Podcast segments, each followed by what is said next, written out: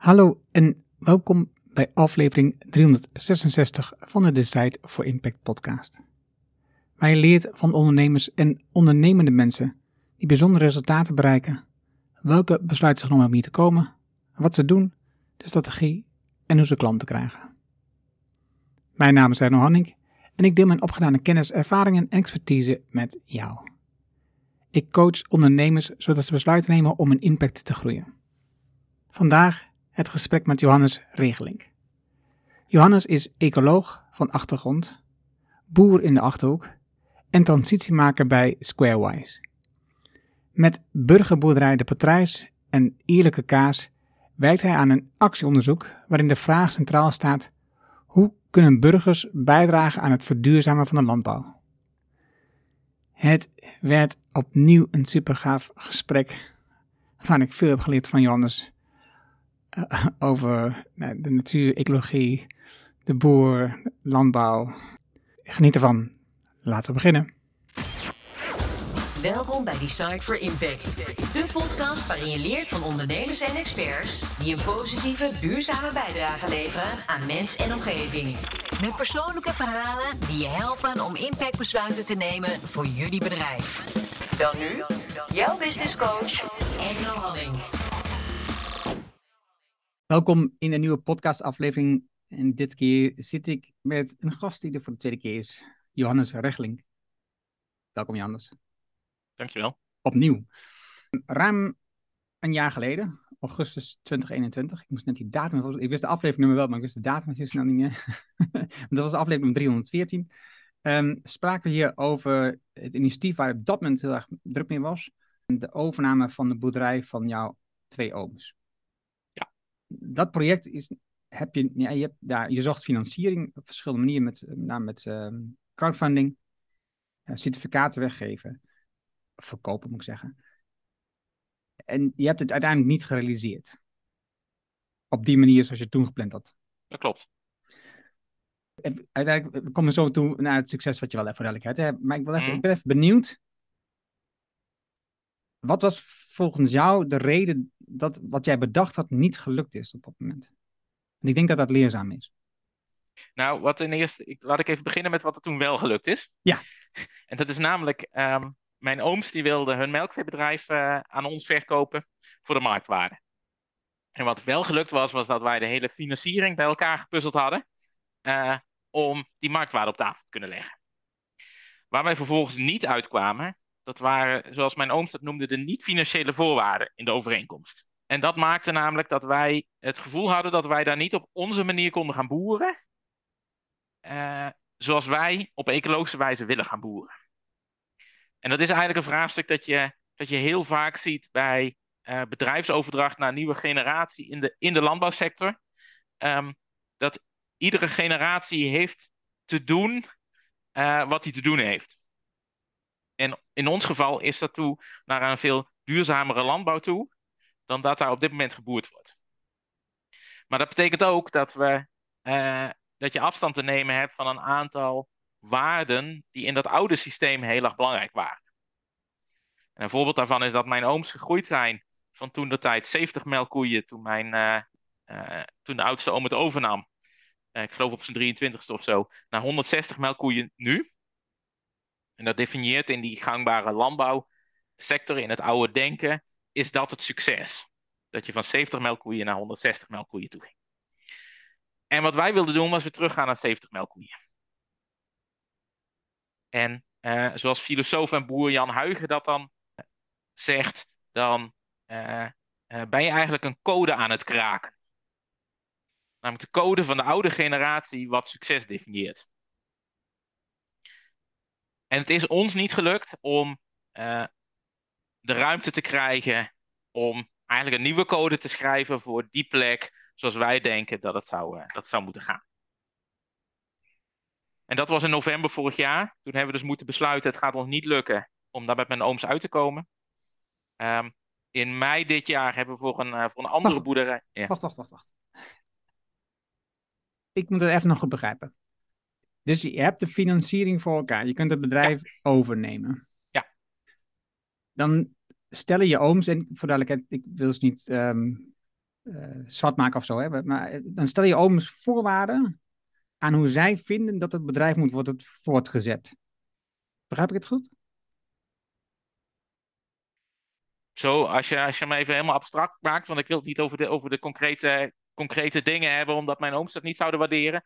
Uh, als je hem even heel, heel abstract maakt, dan is dat correct. Ja.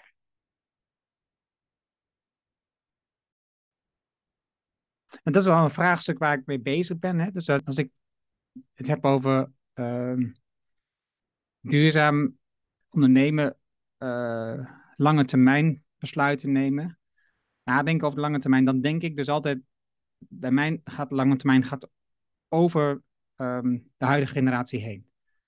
Als je kijkt naar um, Roman, uh, zijn boek over de goede voorouder, dan heeft hij het over zeven generaties, om het zo te noemen.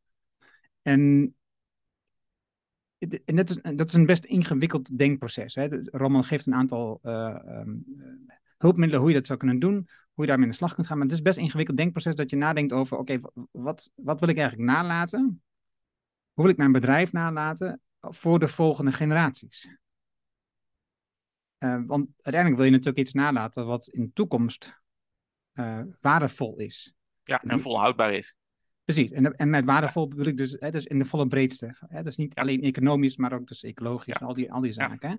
Ja. Uh, waarbij we natuurlijk uit een omgeving komen, en daar, hebben we nu, daar zien we nu alle um, elementen van in het nieuws op dit moment, um, waar economisch succes eigenlijk het allerbelangrijkste is uh, wat het telt. Hè. De, de, BNP is een, is een belangrijk getal, om te noemen groei is een belangrijk getal. Ja. Nu te maken met uh, inflatie, dat is een belangrijk getal. Daar maken mensen zich zogenaamd zorgen over. Dat de mensen niet eens weten wat inflatie is. En het gaat allemaal over hetzelfde. Dat zijn financiële getallen, financiële zekerheden, financiële duidelijkheid en ja. ook financieel succes. Ja. Terwijl eigenlijk is er maar één maar één ding echt belangrijk. En dat is hoe de natuur leeft, bestaat, um, zich ontwikkelt en doorgaat. Want dat is de plek waarin we leven. Als de natuur niet goed functioneert, kunnen wij niet leven. We kunnen, de beesten niet leven waar wij, uh, die dat een cirkel rondmaken allemaal. Oké, oké. Denk exercitie van mezelf was dat gewoon even. nu ga je door met de patrijs. Ja. Wat, wat, wat was de vervolgstap? Nou, de vervolgstap was natuurlijk op zoek gaan naar een nieuwe boerderij. Want we hadden de verzuiveling van melk die we inkopen en de afzet aan een groep uh, leden in de omgeving hebben we, en hadden we toen ook lopend in november vorig jaar. Um, dus we hebben uh, een oproep gedaan. Uh, goh, wie, wie heeft er een boerderij voor ons? Um, we waren op een gegeven moment bezig met een boerderij in Brummen, dus net aan de andere kant van de IJssel. Um, en een van onze leden van het eerste uur, Willem Drok, uh, ook vrijwilliger, um, die zei: Ja, maar de andere kant van de IJssel, dat kan eigenlijk niet.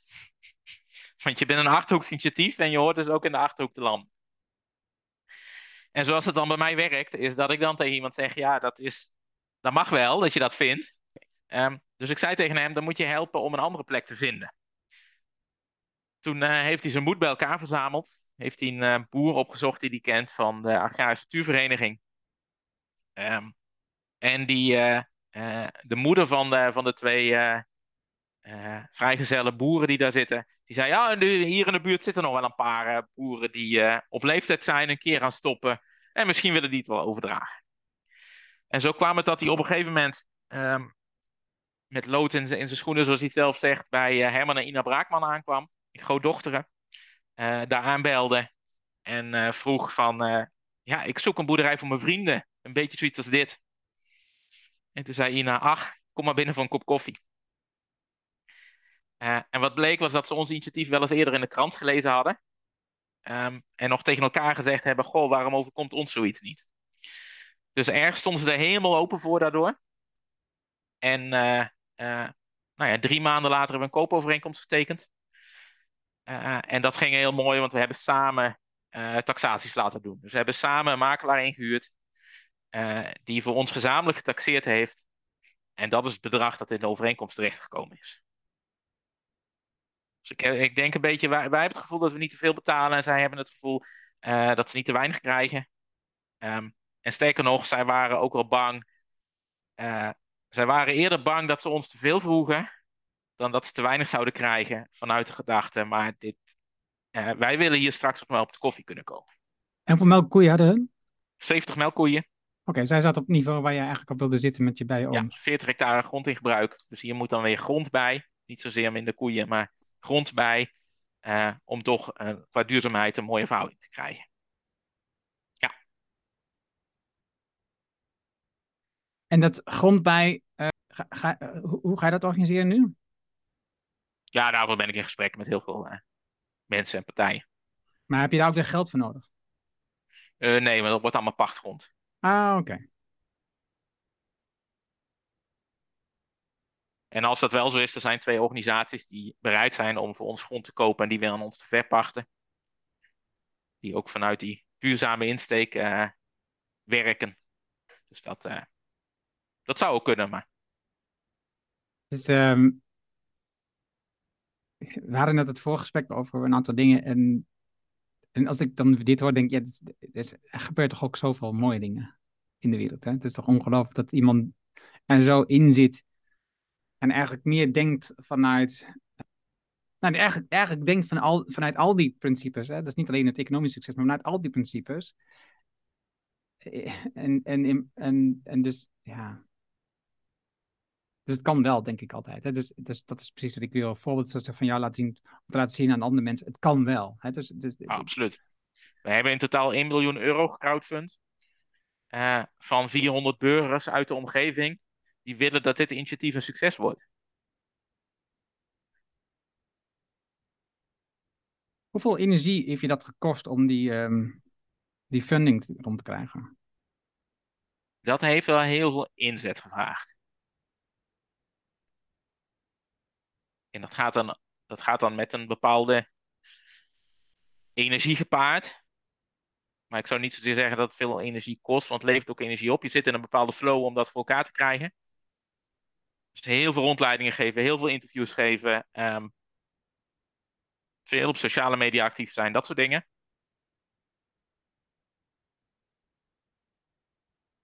Zijn er mensen toen, zeg maar, de overeenkomst met je broer of met je ooms um, niet lukte, hebben gezegd: ik wil, ik, wil dat, ik wil mijn geld terug? Ja, zeker. Volgens mij uh, van de 590.000 euro die vorig jaar in september opgehaald was, uh, stond er nog, ik geloof, 420.000 euro dit voorjaar op de rekening van de coöperatie. Uh, die het vehikel is om mee te crowdfunden. Oh, wauw, dat is wel best. Dus er was dan zo'n 170.000 euro van mensen die zeiden: Ik wil het nu wel terug hebben. En een deel van die mensen heeft gezegd: Nou, ik doe wel mee als het er weer is. Die hebben dus ook weer meegedaan. later daarna. En een deel paste het niet meer op dat moment. Om wat voor dan ook. Even nog ter herinnering, ik kan natuurlijk kan heel makkelijk tegen je zeggen uh, als luisteraar, luister de vorige aflevering. maar even ter herinnering, um, hoe zag die financiering eruit? Wat, wat, wat moest je als, als burger doen? Je, je kon en je kunt nog steeds, uh, want we hebben meer plannen dan dat we nu gefinancierd hebben. Dus je kunt nog steeds uh, deelgenoot worden, noem, noemen wij dat. Dan word je lid van een coöperatie coöperatie de Patrijs 500. Uh, dan koop je één of meer certificaten van 1000 euro. Die wij terugkopen op het moment dat dat kan en een lid dat ook wil. Onze inschatting is nu dat dat tussen de 15 en de 25 jaar is. Um, en, in de, en dan kun je kiezen uit drie manieren van rendement op die 1000 euro. De eerste manier is dat je anderhalf procent rendement krijgt op het moment dat dat geld uh, uh, teruggekort wordt, anderhalf procent per jaar. Uh, dat dat certificaat teruggekocht wordt, bedoel ik, dat het geld terug overgemaakt wordt. De tweede optie is dat mensen kiezen voor 2,5% korting op producten in gedurende het geld bij ons, of eigenlijk dus bij de coöperatie, via de coöperatie in het bedrijf is gestopt. En de derde optie is dat mensen zeggen dat ze rendement in de vorm van een mooie landschap en meer biodiversiteit genoeg rendement vinden.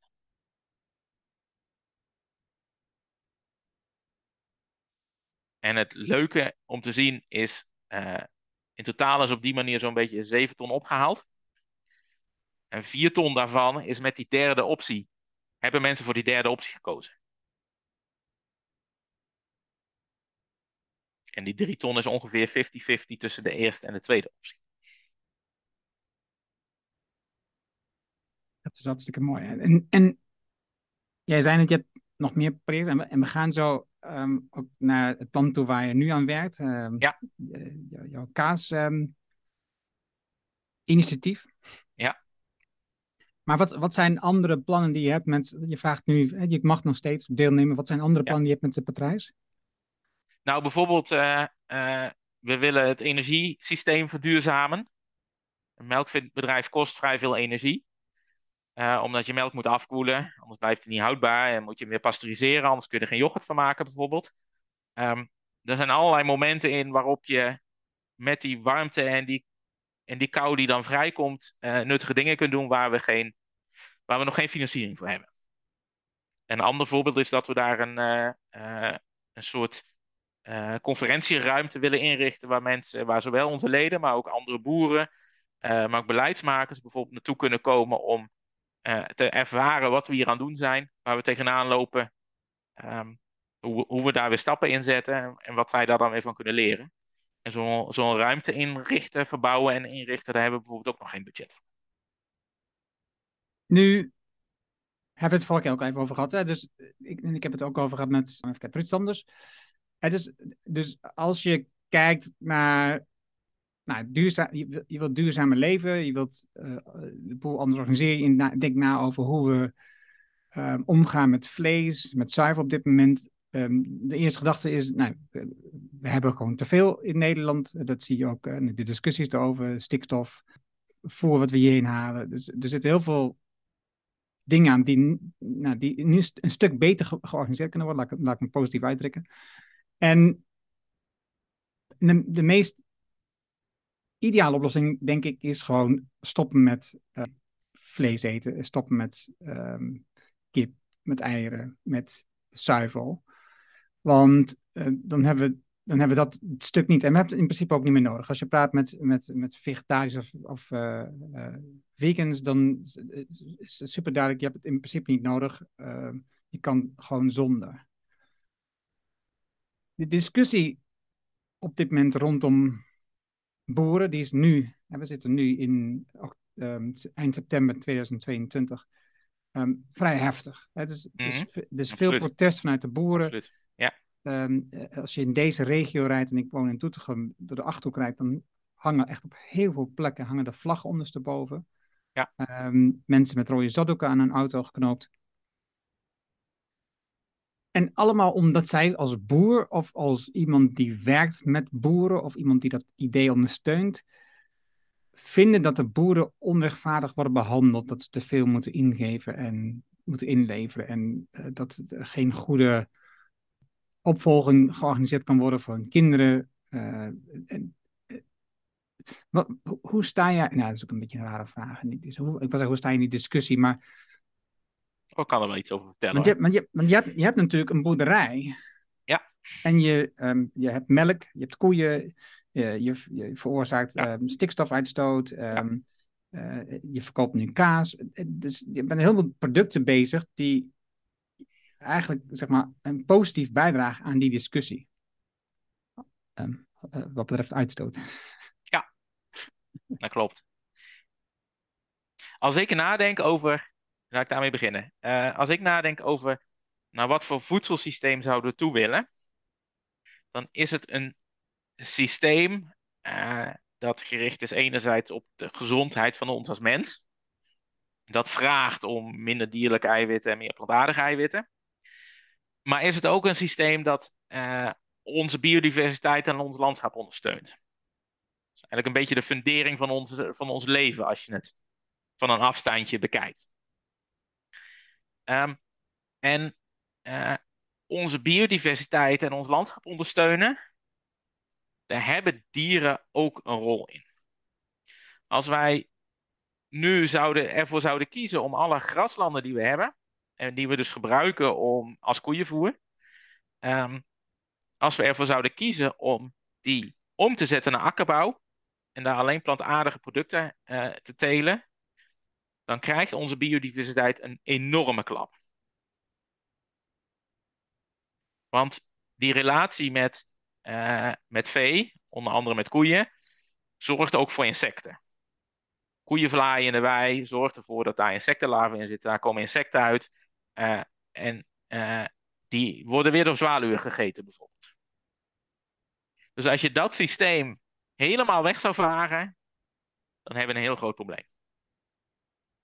Tegelijkertijd is het zo dat we nu heel veel voer van, uh, van ver weg importeren. Hier aan ons vee voeren. Producten weer exporteren, maar letterlijk met de shit blijven zitten. Dus dat is ook geen wenselijk systeem. En de zoektocht is, ook voor mij, uh, maar ik denk ook voor de, voor de landbouw in de volle breedte. Um, ik heb daar uh, vorige week nog een podcast over opgenomen met de Rabobank ook bijvoorbeeld. Voor hun is dat ook een grote zoektocht. Hoe komen we nou van het systeem van het importeren van veel veevoer uh, en het, van, het voeren van veel koeien, maar ook varkens en kippen, um, naar een systeem dat biodiversiteit, landschap en onze gezondheid ondersteunt, zonder dat er enorme trauma's ontstaan bij groepen boeren. Want eigenlijk alle boeren die ik spreek, die zijn bereid om naar dat nieuwe systeem toe te gaan. Maar dan moeten ze wel een stuk zekerheid geven. Een stuk fundering onder hun, onder hun zijn geven. Want als we tegen boeren zeggen. Je hebt, eh, nou, laten we het voorbeeld van mijn ooms nemen. Eh, je hebt 160 melkkoeien en je moet morgen naar 70 melkkoeien toe. Maar we geven je dezelfde melkprijs. Dan zijn ze met een jaar failliet. En dat, dat is het zwarte scenario dat we voor zich zien. En vanuit dat zwarte scenario denken ze, maar dit kan niet gebeuren. En dat begrijp ik supergoed. En vanuit en in, in ons denken, in ons economisch systeem, kunnen we eigenlijk concluderen, wat mij betreft, dat marktdenken hierin faalt. Want marktdenken is erop gericht, waar zijn wij goed in? Nou, wij zijn goed in, uh, in handel drijven. Oftewel ook het importeren van veevoer, dat is een vorm van handel drijven. Uh, wij zijn goed in koeien voeren. Uh, we hebben ook een best, uh, best goed klimaat voor, voor koeien, gewoon qua, qua, qua warmte en zo. Um, gras wil in deze mooie delta goed groeien. Um, dus nou, laten we dat dan zoveel mogelijk doen en dan weer melk exporteren. Dat is best een, een manier van werken die, die, die, die veel oplevert in financiële zin. Maar die ons heel veel kost in ecologische zin. En zolang we die ecologische effecten niet weten te vertalen en onderdeel maken van de economische afwegingen die we maken, uh, dan lopen we stuk. Het is nu het wal dat het schip doet keren. Jij zegt, de boeren die ik spreek, die zitten er zo in. Zitten zij vast in het economisch systeem? Want de meeste, die ik, de meeste geluiden die ik hoor, die zijn ook economisch ingesteld. Die zit keihard vast in het economisch systeem, absoluut. Waarom lukt het jou, waarom lukt het jou om eruit te stappen? Nou, omdat wij een aantal dingen fundamenteel anders doen. Um, en het belangrijkste is dat uh, een melkveehouder, die heeft één afnemer is een grote fabriek, die komt iedere drie dagen de melk halen. En die afnemer, die bepaalt de prijs waarvoor hij die melk komt halen. Oftewel, die boer heeft zelf niks te zeggen over hoe hoog die prijs moet zijn. Maar is wel volledig afhankelijk van die ene afnemer, die dus eigenlijk een soort monopoliepositie heeft ten opzichte van die boer. Wat wij gaan doen, um, is aan 1700 huishoudens onder andere melk, maar ook groenten, uh, plantaardige lupine tempeh bijvoorbeeld zijn we nu aan het maken. Uh, maar ook vlees, uh, eieren, kaas enzovoort te verkopen. En daarin kunnen wij onze eigen prijs bepalen. We kunnen daarin zeggen, wij willen op deze manier werken. En dan vragen we deze prijs voor. En we kunnen uitleggen waarom we die prijs ook nodig hebben om dat te kunnen doen. Maar dat vraagt enorm veel van ons. Um, Zo'n beetje een halve FTE gaat op aan communicatie met onze leden. Dus aan het schrijven van nieuwsbrieven, uh, uh, aan communicatie via een WhatsApp-groep, aan um, gewoon het beantwoorden van e-mailtjes, beantwoorden van telefoontjes, dat soort dingen. En een gemiddelde boer is misschien nog veel beter in, in bijvoorbeeld het voeren van koeien en het winnen van goed ruwvoer dan het wij zijn. Maar is, is niet in staat om die communicatiekant, maar ook die verwerkingskant, uh, die verkoopkant zodanig op te zetten als wat wij dat doen. En daarmee zeg je dus, want ik zie natuurlijk steeds, ik zie ook steeds meer initiatieven zoals jullie dat hebben, dus boeren, maar ook um, akkerbouwers die rechtstreeks aan consumenten leveren. En dus de winkels, de supermarkten, de tussenhandel, de groothandels overslaan, omdat ze dus daar worden uitgemolken. Ja. En, um, maar dat, dat zie je niet echt als een haalbaar systeem om heel Nederland op die niet te kantelen. Wat betreft boeren. Ik denk dat er heel veel boeren zijn die uitstekende boeren zijn, die, waarvoor dat systeem niet past. Het grappige is natuurlijk dat ze ooit zelf um, in coöperaties um, die organisaties zijn gestapt zodat die die melk uh, ja. verzamelden. Maar juist om die reden, denk ik. Ja. Ja, maar ja, als je het weer terugbrengt, zoals jullie doen, in een coöperatie, uh, bij, met weinig boeren, met veel minder boeren, zeg maar, daar heb je veel meer controle en lokaal levert, wordt het, wordt het veel behapbaarder en veel overzichtelijker. Ja, en ook wel weer lastiger. Tegelijk. Maar ja, het is nu ook lastig. Dus ja. Ja, maar, nu, maar de, um, het, het systeem is nu niet zo lastig. Het lastige is dat er geen toekomstperspectief is. Ja, maar het lastige is dat je heel weinig geld krijgt voor het product en dat je totaal geen invloed op, op die prijs hebt. Ja, dat klopt. Dat is zo. Dat is, dat is enorm lastig. Ja, klopt. Ja. Want je moet investeren en je hebt eigenlijk geen idee of dat, of dat komt. En je bent afhankelijk van wat de overheid bedenkt. Uh, je moet telkens opnieuw investeren om uh, aan de duurzaamheid te voldoen. En tegelijkertijd heb je geen garantie of je, of je product uh, daar tegenover een goede prijs krijgt.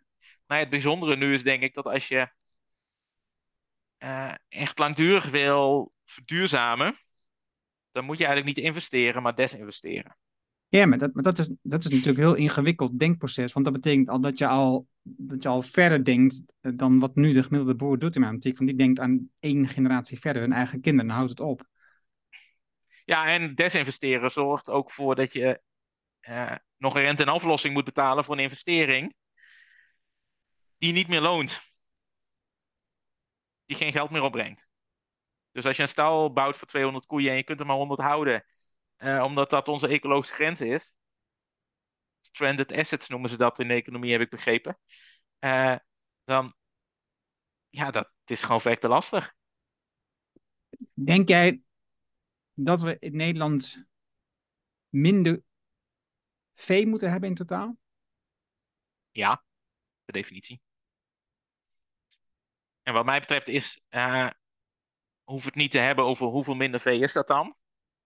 Maar als we met elkaar zouden besluiten om geen voer meer van ver weg te importeren. Dus geen voer meer van, laten we zeggen, verder dan 500 kilometer rondom Nederland. Of 1000 kilometer van mijn pad nog. Um, maar doen met wat we daar kunnen, vandaan kunnen halen. En daarbij de passende hoeveelheid vee hebben. Dan denk ik dat we ecologisch heel mooi, een heel mooi systeem hebben. Of in ieder geval heel veel stappen verder zijn. Want waarom zou je het niet alleen uit Nederland het voer kunnen halen? Dat zou ook kunnen, maar dan beperk je je nog meer. Dan beperk je je nog meer. We zijn een heel dichtbevolkt land. Um, je zou kunnen zeggen, Nederland is meer één grote stad. Als je het met andere uh, plekken op de wereld be bekijkt, dan dat het echt een land is. Duitsland is bijvoorbeeld veel minder dicht bevolkt. Dus in die zin vind ik het ook niet zo gek om, uh, om iets meer op Noordwest-Europese schaal te kijken als je naar ons voedselsysteem kijkt. Dat betekent dus ook dat je vlees en eieren en melk kunt exporteren naar datzelfde gebied. Precies. Maar heb je nog steeds, in, in mijn optiek, wel meer shit in, in, in een klein land dan je eigenlijk voor het oh ja, dan moet je die shit ook terugbrengen daar naartoe. Maar dat gebeurt dus, dat zie ik nog niet gebeuren. Ja, er, wordt, er wordt nu ook wel mest naar Duitsland geëxporteerd. Oké. bijvoorbeeld. Dus op die afstand zie ik dat op zich nog wel gebeuren. Behalve dan dat al die transportbewegingen ook weer een grote invloed op onze aarde hebben. Ehm, maar goed. Te dogmatisch alleen naar Nederland kijken is denk ik ook niet wat behulpzaam is in deze discussie. Hm. Oké, ehm, we komen hier vast nog op terug. Ik werd, ehm, jij benaderde mij voor, voor de vraag waar we het nou over gaan hebben, maar ik werd ook benaderd door een, een soort PR-bureau, volgens mij, wat ik ervan zag, uh, over hetzelfde, over de. Je hebt, je hebt het PR-bureau ingeschakeld om dit initiatief onder de aandacht te brengen. Ja. Daar ben ik zo benieuwd naar. Leg eens uit, wat is het initiatief? Het initiatief is dat ik uh, boeren wil helpen met verduurzamen. En verduurzamen gaat dus over uh, minder voer van ver weg halen, um, meer voer van eigen land, uh, meer biodiversiteit in het land. Dus bijvoorbeeld kruidenrijke graslanden in plaats van Engels rijgrsakkers. Gaat ook over meer dierenwelzijn. We gaan bijvoorbeeld met een boer aan de slag die al twintig jaar lang kalfjes bij de koe houdt. Um, maar ook als het om dierenwelzijn gaat, ook wat robuustere rassen bijvoorbeeld gaat het om. Um, dus ik dacht, hoe kunnen we boeren helpen om daar stappen naartoe te zetten? Dat is met name het verdienmodel vooruit te helpen. En de boeren van Schiermonnikoog zijn daar een heel mooi voorbeeld van. Op Schiermonnikoog zei de provincie, uh, er zitten nu zeven melkveehouders en we gaan één van jullie uitkopen. Dat geld hebben we klaar liggen. We gaan één van jullie uitkopen om ervoor te zorgen dat er minder stikstofuitstoot is op de natuur die we op Schiermonnikoog hebben. En alle zeven die boeren die zeiden, maar ik wil niet uitgekocht worden. En wat dan het mooie is in zo'n kleine gemeenschap, is dat ze bij elkaar zijn gaan zitten en hebben gezegd, wij willen allemaal niet uitgekocht worden. En we gaan er met elkaar voor zorgen dat dat ook niet nodig is. En uh, daar hebben ze onder andere Jan-Willem Eersman bij gehaald. Uh, hij wordt ook wel eens de stikstofprofessor van Nederland uh, genoemd. In ieder geval op de Universiteit van Leiden is hij hoogleraar op stikstof. Toen de tijd was hij directeur van het Louis Bolk Instituut. En met elkaar hebben ze een plan gemaakt. Hoe kunnen wij hier stikstof reduceren? En een toekomstbestendig verdienmodel neerzetten. En dat heeft erin geresulteerd dat zij um, 30% of zelfs meer dan 30% van hun koeien weggedaan hebben. En begonnen zijn met een eigen kaasmerk. Ze hebben een winkel op Schiermonnikoog. Uh, daar kun je die kaas kopen. Maar met alleen de kaas die ze op Schiermonnikoog kunnen verkopen. Zelfs als elke toerist die er komt een kilo, uh, een kilo mee naar huis neemt. Um, redden ze het nog niet qua verdienmodel.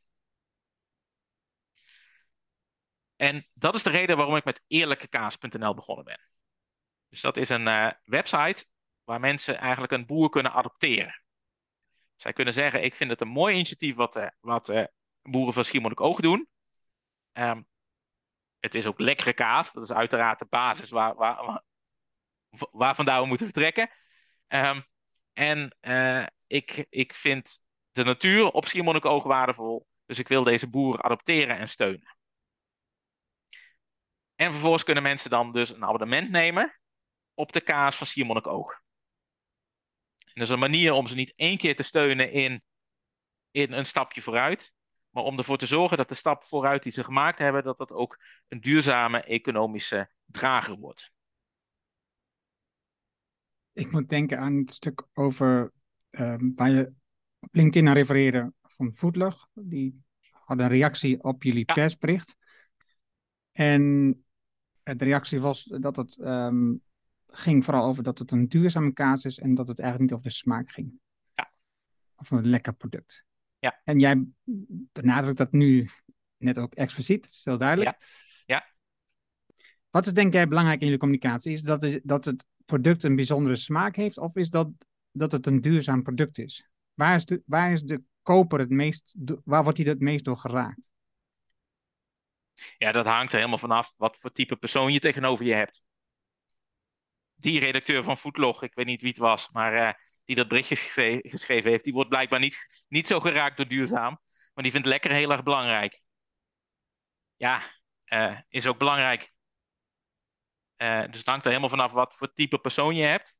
Maar ik denk wel dat het geven van een toekomstperspectief, het werken aan duurzame producten, dat er een grote groep mensen is die dat wel aanspreekt.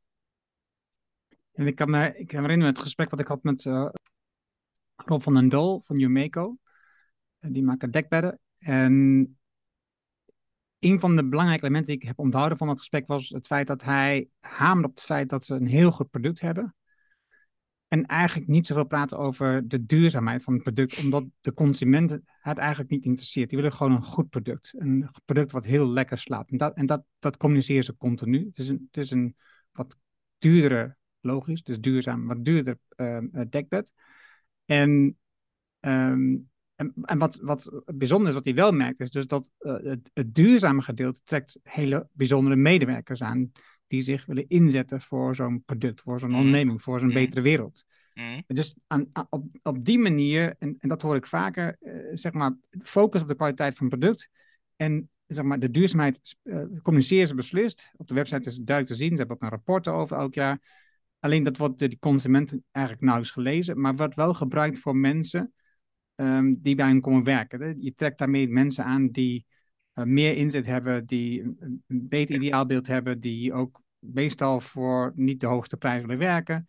En dus, um, en dus daarmee ja, verstevig je ook de duurzaamheid van je bedrijf weer daarmee. Want ja, je, je hebt aanwas van medewerkers, terwijl het op dit moment in de markt op dat gebied bijvoorbeeld ook heel ingewikkeld is. Ja. Eerlijke kaas. Je krijgt kaas door de brievenbus. Leg eens uit hoe dat abonnement werkt. Ja, wat wij doen is hele kazen kopen bij boeren die met grote verduurzamingsstappen bezig zijn. Um, zoals dus de boeren van Schiermonnikoog, of dadelijk ook van boerderij Ruimzicht. Um, die kaas die snijden wij in stukken, uh, in plakken van 2,5 centimeter.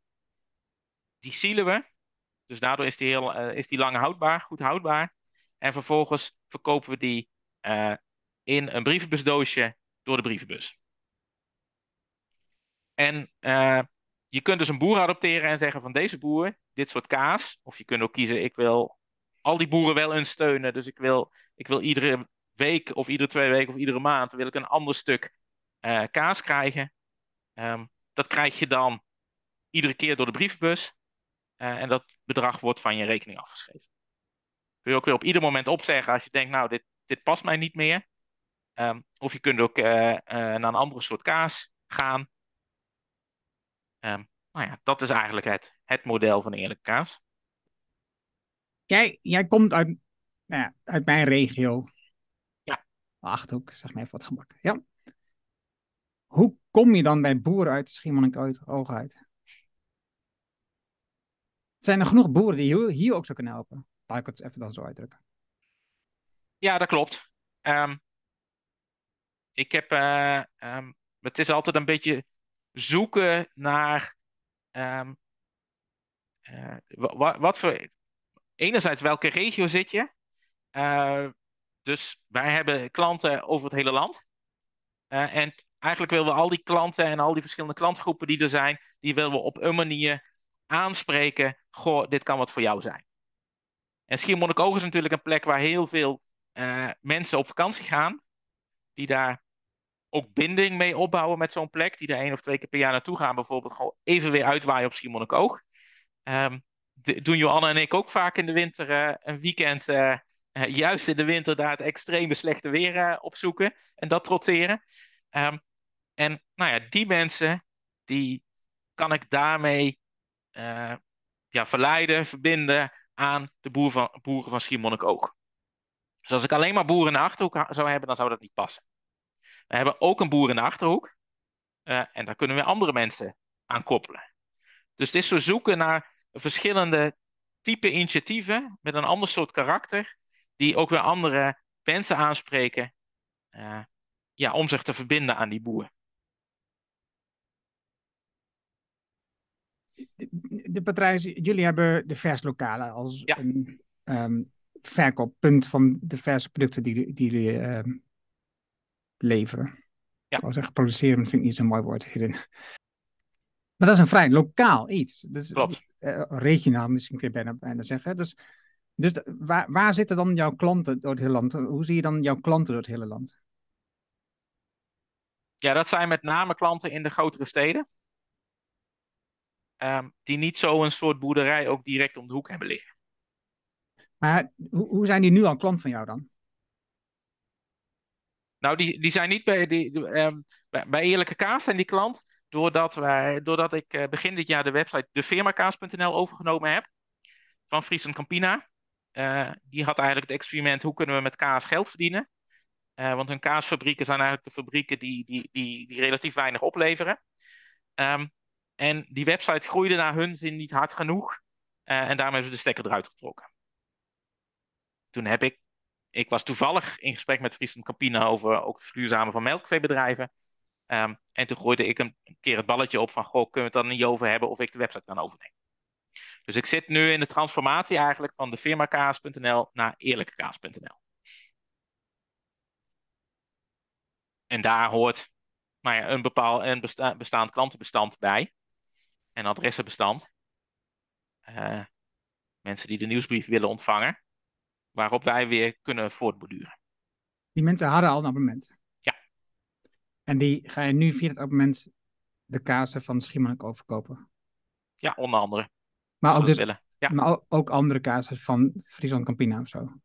Nee, we hebben um, nu acht verschillende, zeg maar, van, van de firma kaas.nl namen we, namen we uh, acht verschillende boeren over in de Randstad met name, Noord- en Zuid-Holland, die zelf kaas produceren.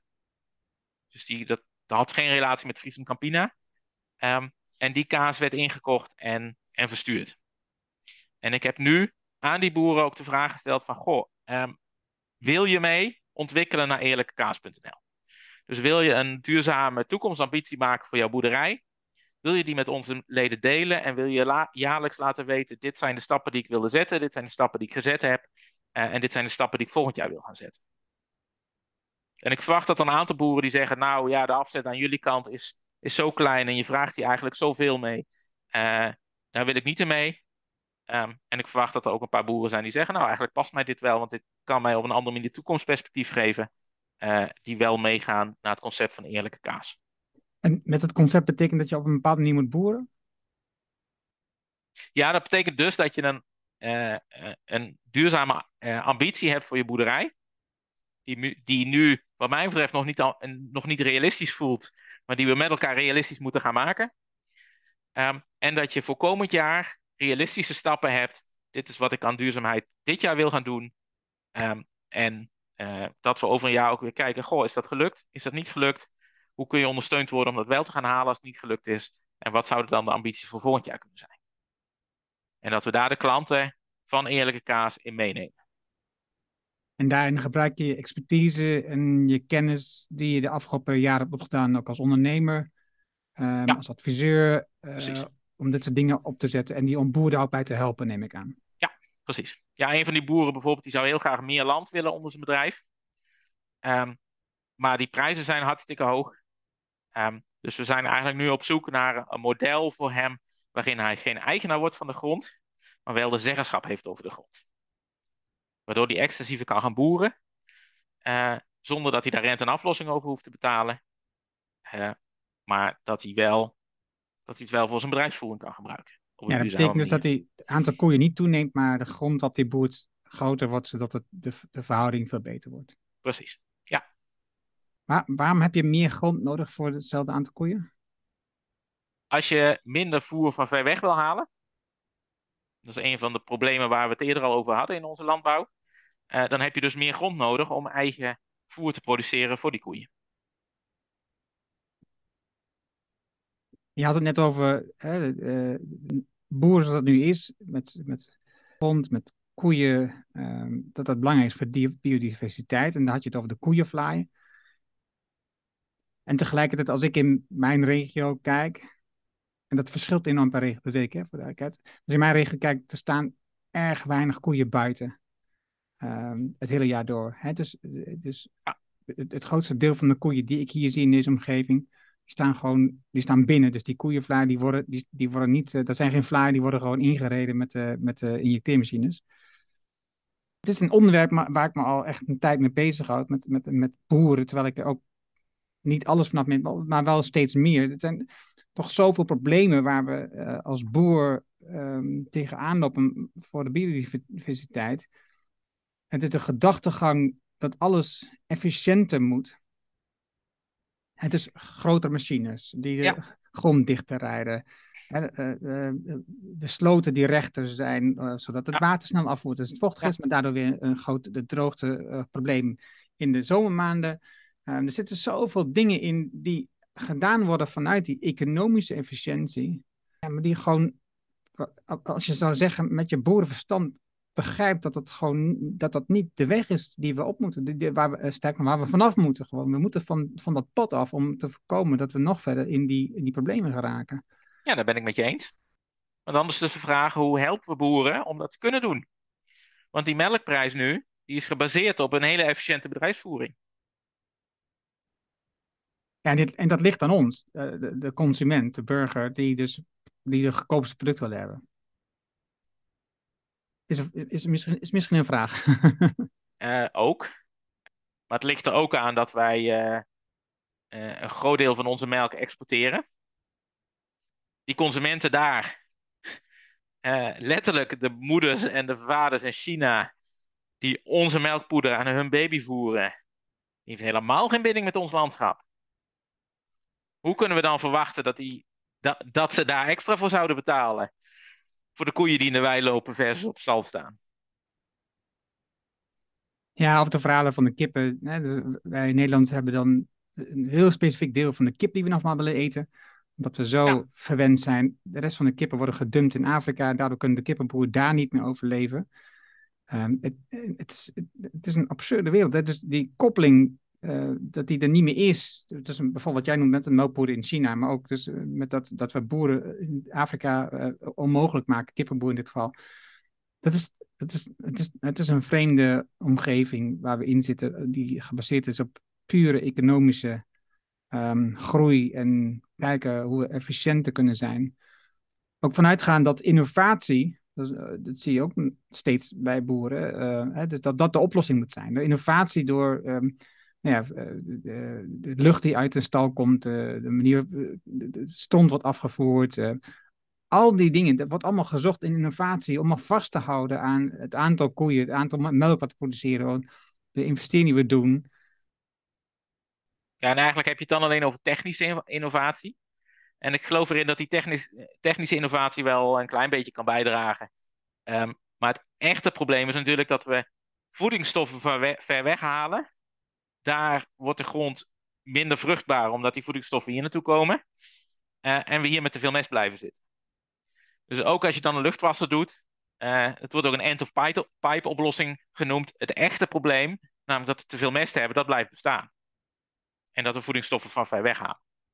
Ehm, en we hebben eigenlijk een ander soort innovatie nodig, denk ik. En dat is meer een sociale innovatie. En dat is namelijk hoe wij als samenleving een, een soort. Eh, Patrick Huntjes is een wetenschapper en die noemt dat een natuurlijk sociaal contract met elkaar sluiten. En ik zie eerlijkekaas.nl daarmee dus ook als een middel om een nieuw eh, natuurlijk sociaal contract tussen een groep burgers en een, specifieke boer te organiseren. Kun je iets meer vertellen over dat natuurlijk sociaal contract? Eh, iets toelichten? Ehm, ja, we zijn. ehm, we hebben vanuit de verlichting, denk ik, eh, eh, een enorme behoefte vanuit onafhankelijkheid te leven. Maar in wezen eh, zijn wij wezens die extreem afhankelijk zijn. Afhankelijk van de aarde, afhankelijk van de biodiversiteit, afhankelijk van de, van, van de lucht die we inademen, van, van het voedsel dat we eten. Ehm, en er zit ook een afhankelijkheid tussen boer en degene die die producten opeet. Maar er zitten nu zoveel schakels, tussen die boer en die consument, dat die wederzijdse afhankelijkheid helemaal niet meer zichtbaar is. En die wederzijdse afhankelijkheid die hebben we eigenlijk weer heel concreet te maken. En daarmee, als je een ambassadeur wordt van een boer op eerlijkekaas.nl, als je een kaasabonnement neemt van een van die boeren, zeg je eigenlijk tegen die boer: Ik wil van jou afhankelijk zijn als het om een deel van mijn voedsel gaat. En jij mag van mij afhankelijk zijn als het om een deel van je inkomen gaat. Dat is een soort afspraak die wij dan met elkaar maken. En doordat je als consument weet welke boer het is, doordat we zo af en toe bijeenkomsten bij die boeren op het erf kunnen organiseren, komende zaterdag uh, fietsen we bij alle boeren op Schiermonnikoog Oog langs. Uh, en kunnen mensen dus die, die boerderijen ook zien, die boeren interviewen. Uh, ontstaat er een, een sociaal contract. En wat we daar nog aan toevoegen, en daarom vind ik dat element van duurzaamheid wel belangrijk, is dat het een natuurlijk sociaal contract is. Dus het moet, want wij zijn, zowel die boeren als, als wij als consumenten, zijn ook afhankelijk van de natuur, van de aarde, van wat die kan leveren, wat die kan blijven leveren op lange termijn. Dus die, die hebben we ook met elkaar te dienen. En dan wordt het dus een natuurlijk sociaal contract dat, we, dat wij, boer en consument, een afspraak maken eh, dat wij elkaar zodanig bedienen, zodanig verder helpen, dat ook uh, de aarde op een volhoudbare manier benut wordt. Ik ben het met je eens. En ik heb mijn bedenkingen. Vertel. Omdat de uitdaging waar we nu voor staan, de protesten van de boeren, de efficiëntie die in hun bedrijf zit, de noodzaak om efficiënt te produceren die in hun bedrijf zit op dit moment. Als ik, als ik als, als mensen praten over, uh, vanuit de boerenwereld, zeg maar, praten over dat zij uh, een belangrijk element zijn voor de biodiversiteit of voor de natuur, dan moet ik altijd een beetje van binnen lachen. Dus als, jij, als ik door mijn regio rijd, dan zie ik maisvelden en rijgas. Ja. Dat is wat ik, meer zie ik niet. Ja, Af en toe zie je een veldje roggen, maar voor de rest is het is maisvelden en rijgas. Meer is ja. er niet.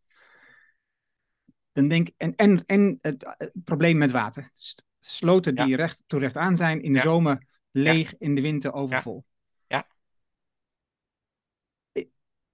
En je ziet de protesten van de boeren die de afgelopen tijd zijn geweest, die hebben vooral heel veel weerstand opgeleverd bij, bij, bij mensen die boeren niet goed, die niet goed de problemen kennen van die boeren. Die, dus, die vooral de, de last ervan ervaren en niet snappen wat, wat een boer um, wel doet en wat, wat, wat je er wel van krijgt. Want wat je al zegt, die, die, die koppeling tussen de boer, dat sociale um, contract wat er is, dat, dat is er niet meer. Dus dus de, de, de, de, de slachterijen die staan op een industrieterrein, dat lijkt een fabriek. Um, de transport van die dieren naar die um, slachterijen gaan in gesloten wagens. Je ziet helemaal niet dat een koe of een kip of een varken naar een slachterij gaat. Je ziet alleen het bakje in het cellofaan in de supermarkt en je kijkt naar de prijs. Je hebt geen idee waar het eigenlijk vandaan komt. Er staat nog een beter leven uh, logootje op met 1, 2 of 3 sterren That's it. Je hebt eigenlijk helemaal geen idee wat die ene ster betekent. Eh, wat, uh, hoe de, wat, wat, wat die boer daarin heeft gedaan aan dat, aan dat stukje. Mm. Hoe krijgen we het dan voor elkaar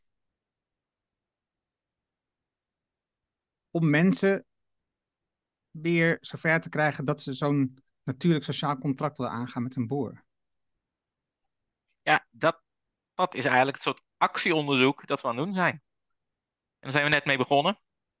Um, dus we hebben voor onszelf een ambitie neergezet. Wij willen in twee maanden tijd 500, boer, uh, 500 consumenten vinden die zich door middel van een abonnement willen uh, verbinden aan de boeren op Schiermonnikoog.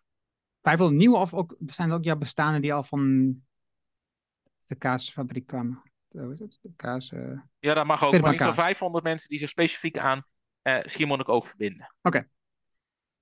Okay. en ja, we zijn aan het zoeken naar hoe we dat moeten doen.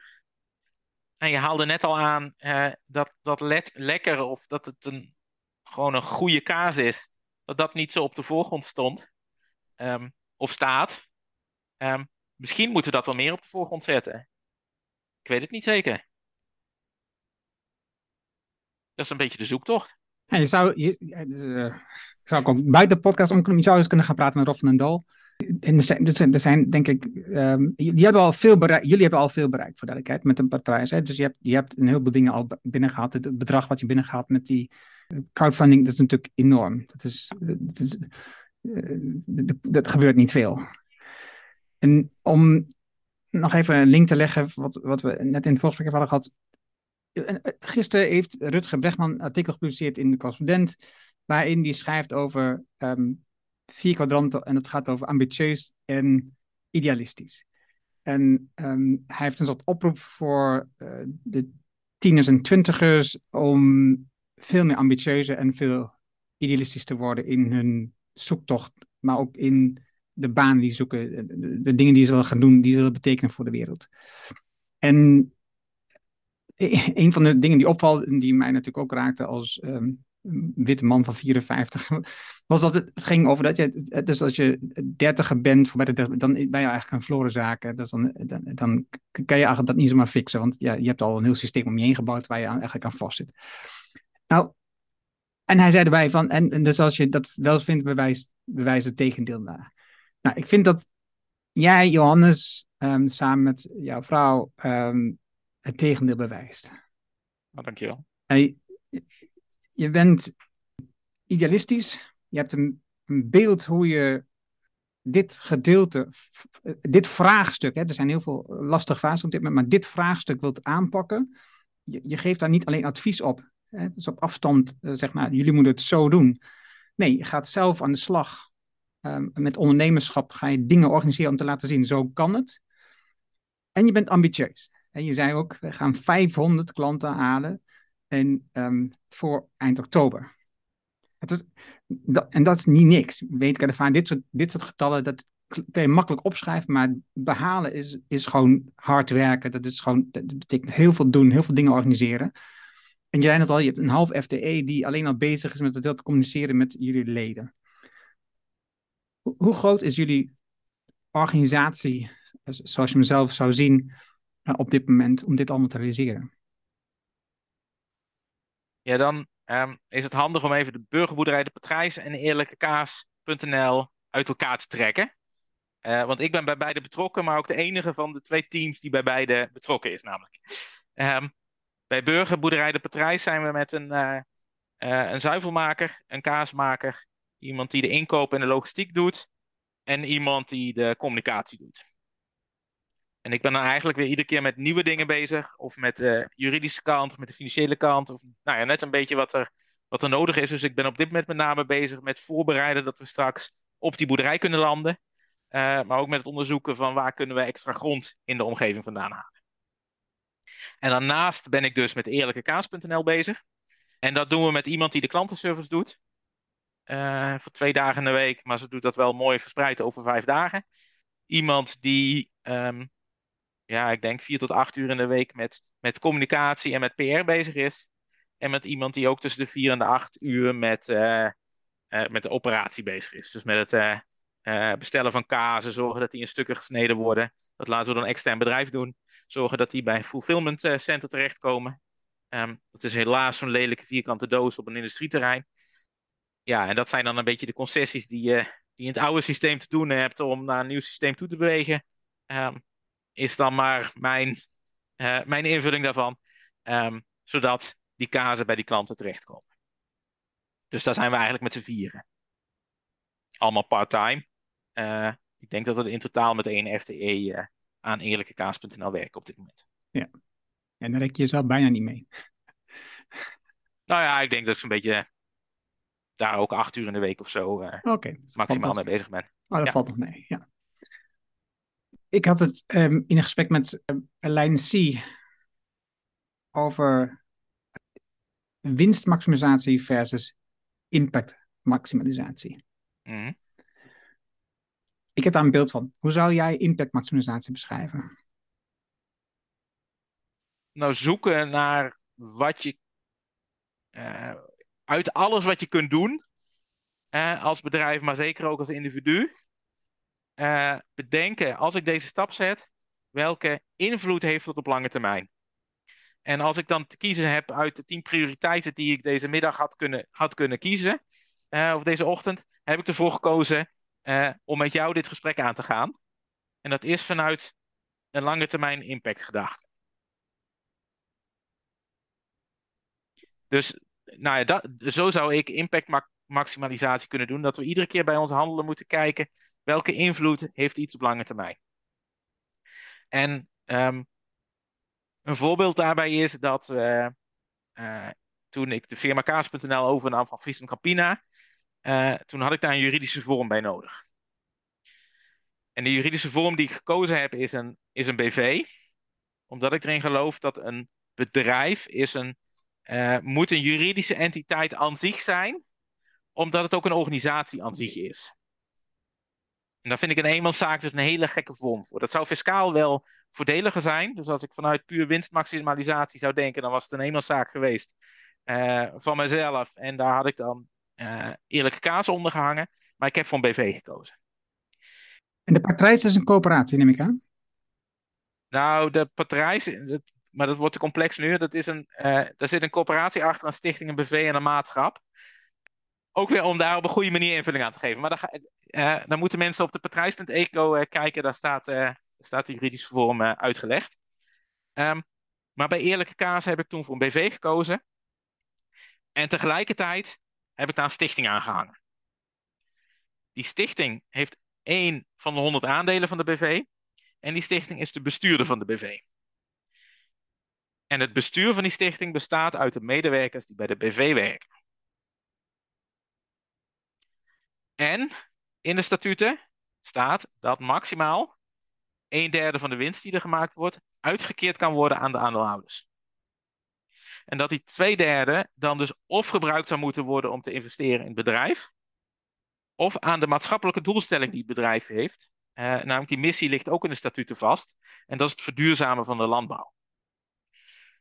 Dus daarmee hebben we eigenlijk geborgd, want die statuten kunnen we niet veranderd worden zonder uh, dat alle aandeelhouders daarmee akkoord gaan. En dat zijn dus ook de medewerkers die in het bedrijf zitten, die daar vanuit een maatschappelijke, uh, maatschappelijke missie komen werken en niet vanuit een winstmaximalisatie-ambitie. dus daarmee hebben we gezorgd dat die maatschappelijke missie van het bedrijf langdurig duurzaam geboord zit in het bedrijf. En ik ook zelf niet voor de verleiding kan komen om daar zoveel mogelijk geld uit te trekken, eh, omdat ik er dan beter uit word. Ja, het is een vrij, de naam ontschippen, het is een vrij bekende vorm. Ik heb er ook een podcastgesprek over gehad. Steward um, ownership bedoel je? Juist. Ja. En want wat het nog meer doet, en die vind ik minstens zo belangrijk. Natuurlijk in de, in, in de tijd dat je als eigenaar betrokken bent bij je bedrijf, dan kun je zeggen: Oké, ik haal de winst uit uh, voor mezelf als, als gewin, en, waar ik zelf van kan profiteren. Dat is een element, maar meestal is die winst niet super. Hè, zeker als je in het begin is die winst niet super groot. Ik denk dat een, nog veel belangrijk element van die, uh, hoe heet het, die steward ownership is het feit dat je het niet maar zo kunt verkopen. Dat je niet maar zo een bedrijf aan een, de meest biedende kunt verkopen als eigenaar, omdat je op dat moment gewoon de, zo, iets wilt verdienen, wilt terugkrijgen voor alles waar je al die tijd, tijd in hebt gestoken. Dat is namelijk het gevoel wat, wat veel ondernemers bepaald hebben. En dat hoor je ook terug bij boeren. Dus die willen op een bepaald moment gewoon het geld terugkrijgen van alle tijd die ze hebben ingestoken. Dan wel naar de kinderen, dan wel naar een externe verkooppartij. En, en ja, en, ik, en, ik, en dat, dat vind ik dus super mooi aan Steward Ownership. Ik wist het niet dat dat aan verbonden was. Dus ik vind het fantastisch dat je dat zo doet. Ja, en eigenlijk zou je, als het om de aarde gaat, maar daarmee ook om um, een bedrijf als entiteit, zou je drie dingen kunnen zeggen die waar zijn. Namelijk, de aarde is van ons allen. Van alles en iedereen dat op deze aarde leeft. De aarde is van zichzelf. Oftewel niet van ons. En tegelijkertijd is het zo dat een stukje aarde, daar heb ik de verantwoordelijkheid voor. En de zeggenschap en de invloed wat daar wel en niet gebeurt. Namelijk het perceel dat ik als boer bijvoorbeeld in gebruik heb. En datzelfde geldt ook voor een bedrijf. Je zegt, het, wacht, wacht even, want je zegt het nu heel goed. Is dat uh, het stukje wat ik in gebruik heb. Ja. Dus niet het stukje waar ik eigenaar van ben, wat, namelijk wat bij veel mensen ja. het idee wat leeft, maar het maakt een verschil. Absoluut, absoluut. Ja. En dat is met een bedrijf eigenlijk ook zo. Ik hoop dat eerlijke kaas iets wordt dat ik in gebruik heb. Wat ik wel mee, in de, mee aanslinger, mee aanjagen, mee een nieuw ecosysteem weet te creëren. Dat, dat boeren helpt om te verduurzamen. Dat consumenten helpt om met boeren een natuurlijk sociaal contract te kunnen sluiten. Maar dat niet iets is waar ik ook niet mijn identiteit aan ontleen. Ik ontleen mijn identiteit niet aan directeur zijn van, van Eerlijke Kaas. Dat ben ik ook niet, want de bestuurder is de stichting. Um, maar ik ontleen mijn identiteit aan het zijn van een transitiemaker eigenlijk. Aan het verder helpen van, van onze samenleving op duurzaamheidsgebied in de landbouw. En dat is ook waar die boeren wel in klem zitten.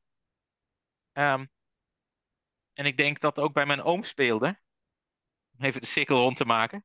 Dat is namelijk dat ze hun identiteit ontlenen aan een volgasboer zijn. Aan op zo min mogelijk hectares zoveel mogelijk melk te produceren. En zoals Ron Methorst dat dan mooi noemt, in het kijken naar die efficiëntie zijn ook wat dingen van de wagen gevallen.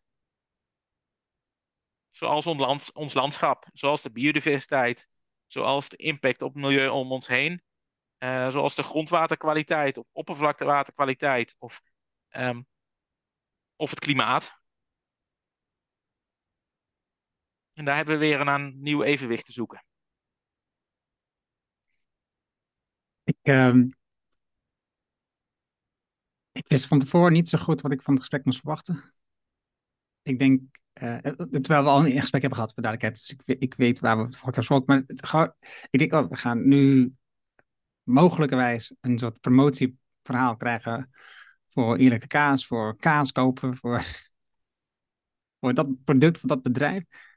En ik heb zoveel geleerd in het gesprek, Johannes. Het, is, het, het was zo leerzaam. Het is ook een mooi inzicht opnieuw. Uh, dankjewel. Alsjeblieft. En om, dan, en om dan je verwachting van het gesprek toch nog even waar te maken. Als je bij wil dragen aan een nieuw sociaal contract uh, met een groep boeren om je heen, ga naar eerlijkkaas.nl uh, en neem een abonnement op bijvoorbeeld de boeren van Schiermonnikoog. Fantastisch. En, en, en het is je gegund, voor duidelijkheid, dat je deze promotie maakt. Dankjewel. Dankjewel. Dat was het mooie gesprek met Johannes. Je vindt de namen en links die we noemden in het artikel dat bij deze uitzending hoort. Ga daarvoor naar de site slash show 366. Wil je automatisch de volgende aflevering van deze podcast op jouw telefoon ontvangen? Dat kan heel eenvoudig. Heb je een iPhone, dan zit daar standaard de Apple Podcast app op. Open die app, zoek de Decide for Impact podcast op en klik op abonneer. Heb je een Android-telefoon? Dan installeer je bijvoorbeeld eerst de Player FM app. Zoek daar ook de Decide for Impact podcast op en klik op abonneer. Dankjewel hiervoor. Heb je vragen, opmerkingen, reacties over deze aflevering met Johannes of over de podcast in het algemeen? Stuur dan een e-mail naar podcast@decideforimpact.com. Ik hoor super graag van jou. Wil je meer impact, meer resultaat, meer effect van je werk en meer effect voor de mensen met wie je werkt? Download dan het whitepaper Winst en Impact met lange termijn besluiten op decideforimpact.com. Dit is mijn nieuwste whitepaper en je downloadt het daarom helemaal gratis. Je hebt zelfs geen e-mailadres nodig. Mijn nieuwste boek is altijd gratis. Vraag het daarom nu aan op decideforimpact.com. En ik weet, je hebt een volle agenda. Je leest het in één avond tijd. Dankjewel voor het luisteren en graag tot de volgende. Dankjewel voor het luisteren naar deze aflevering van de Decide for Impact podcast. Ga voor jouw volgende stap naar decideforimpact.com.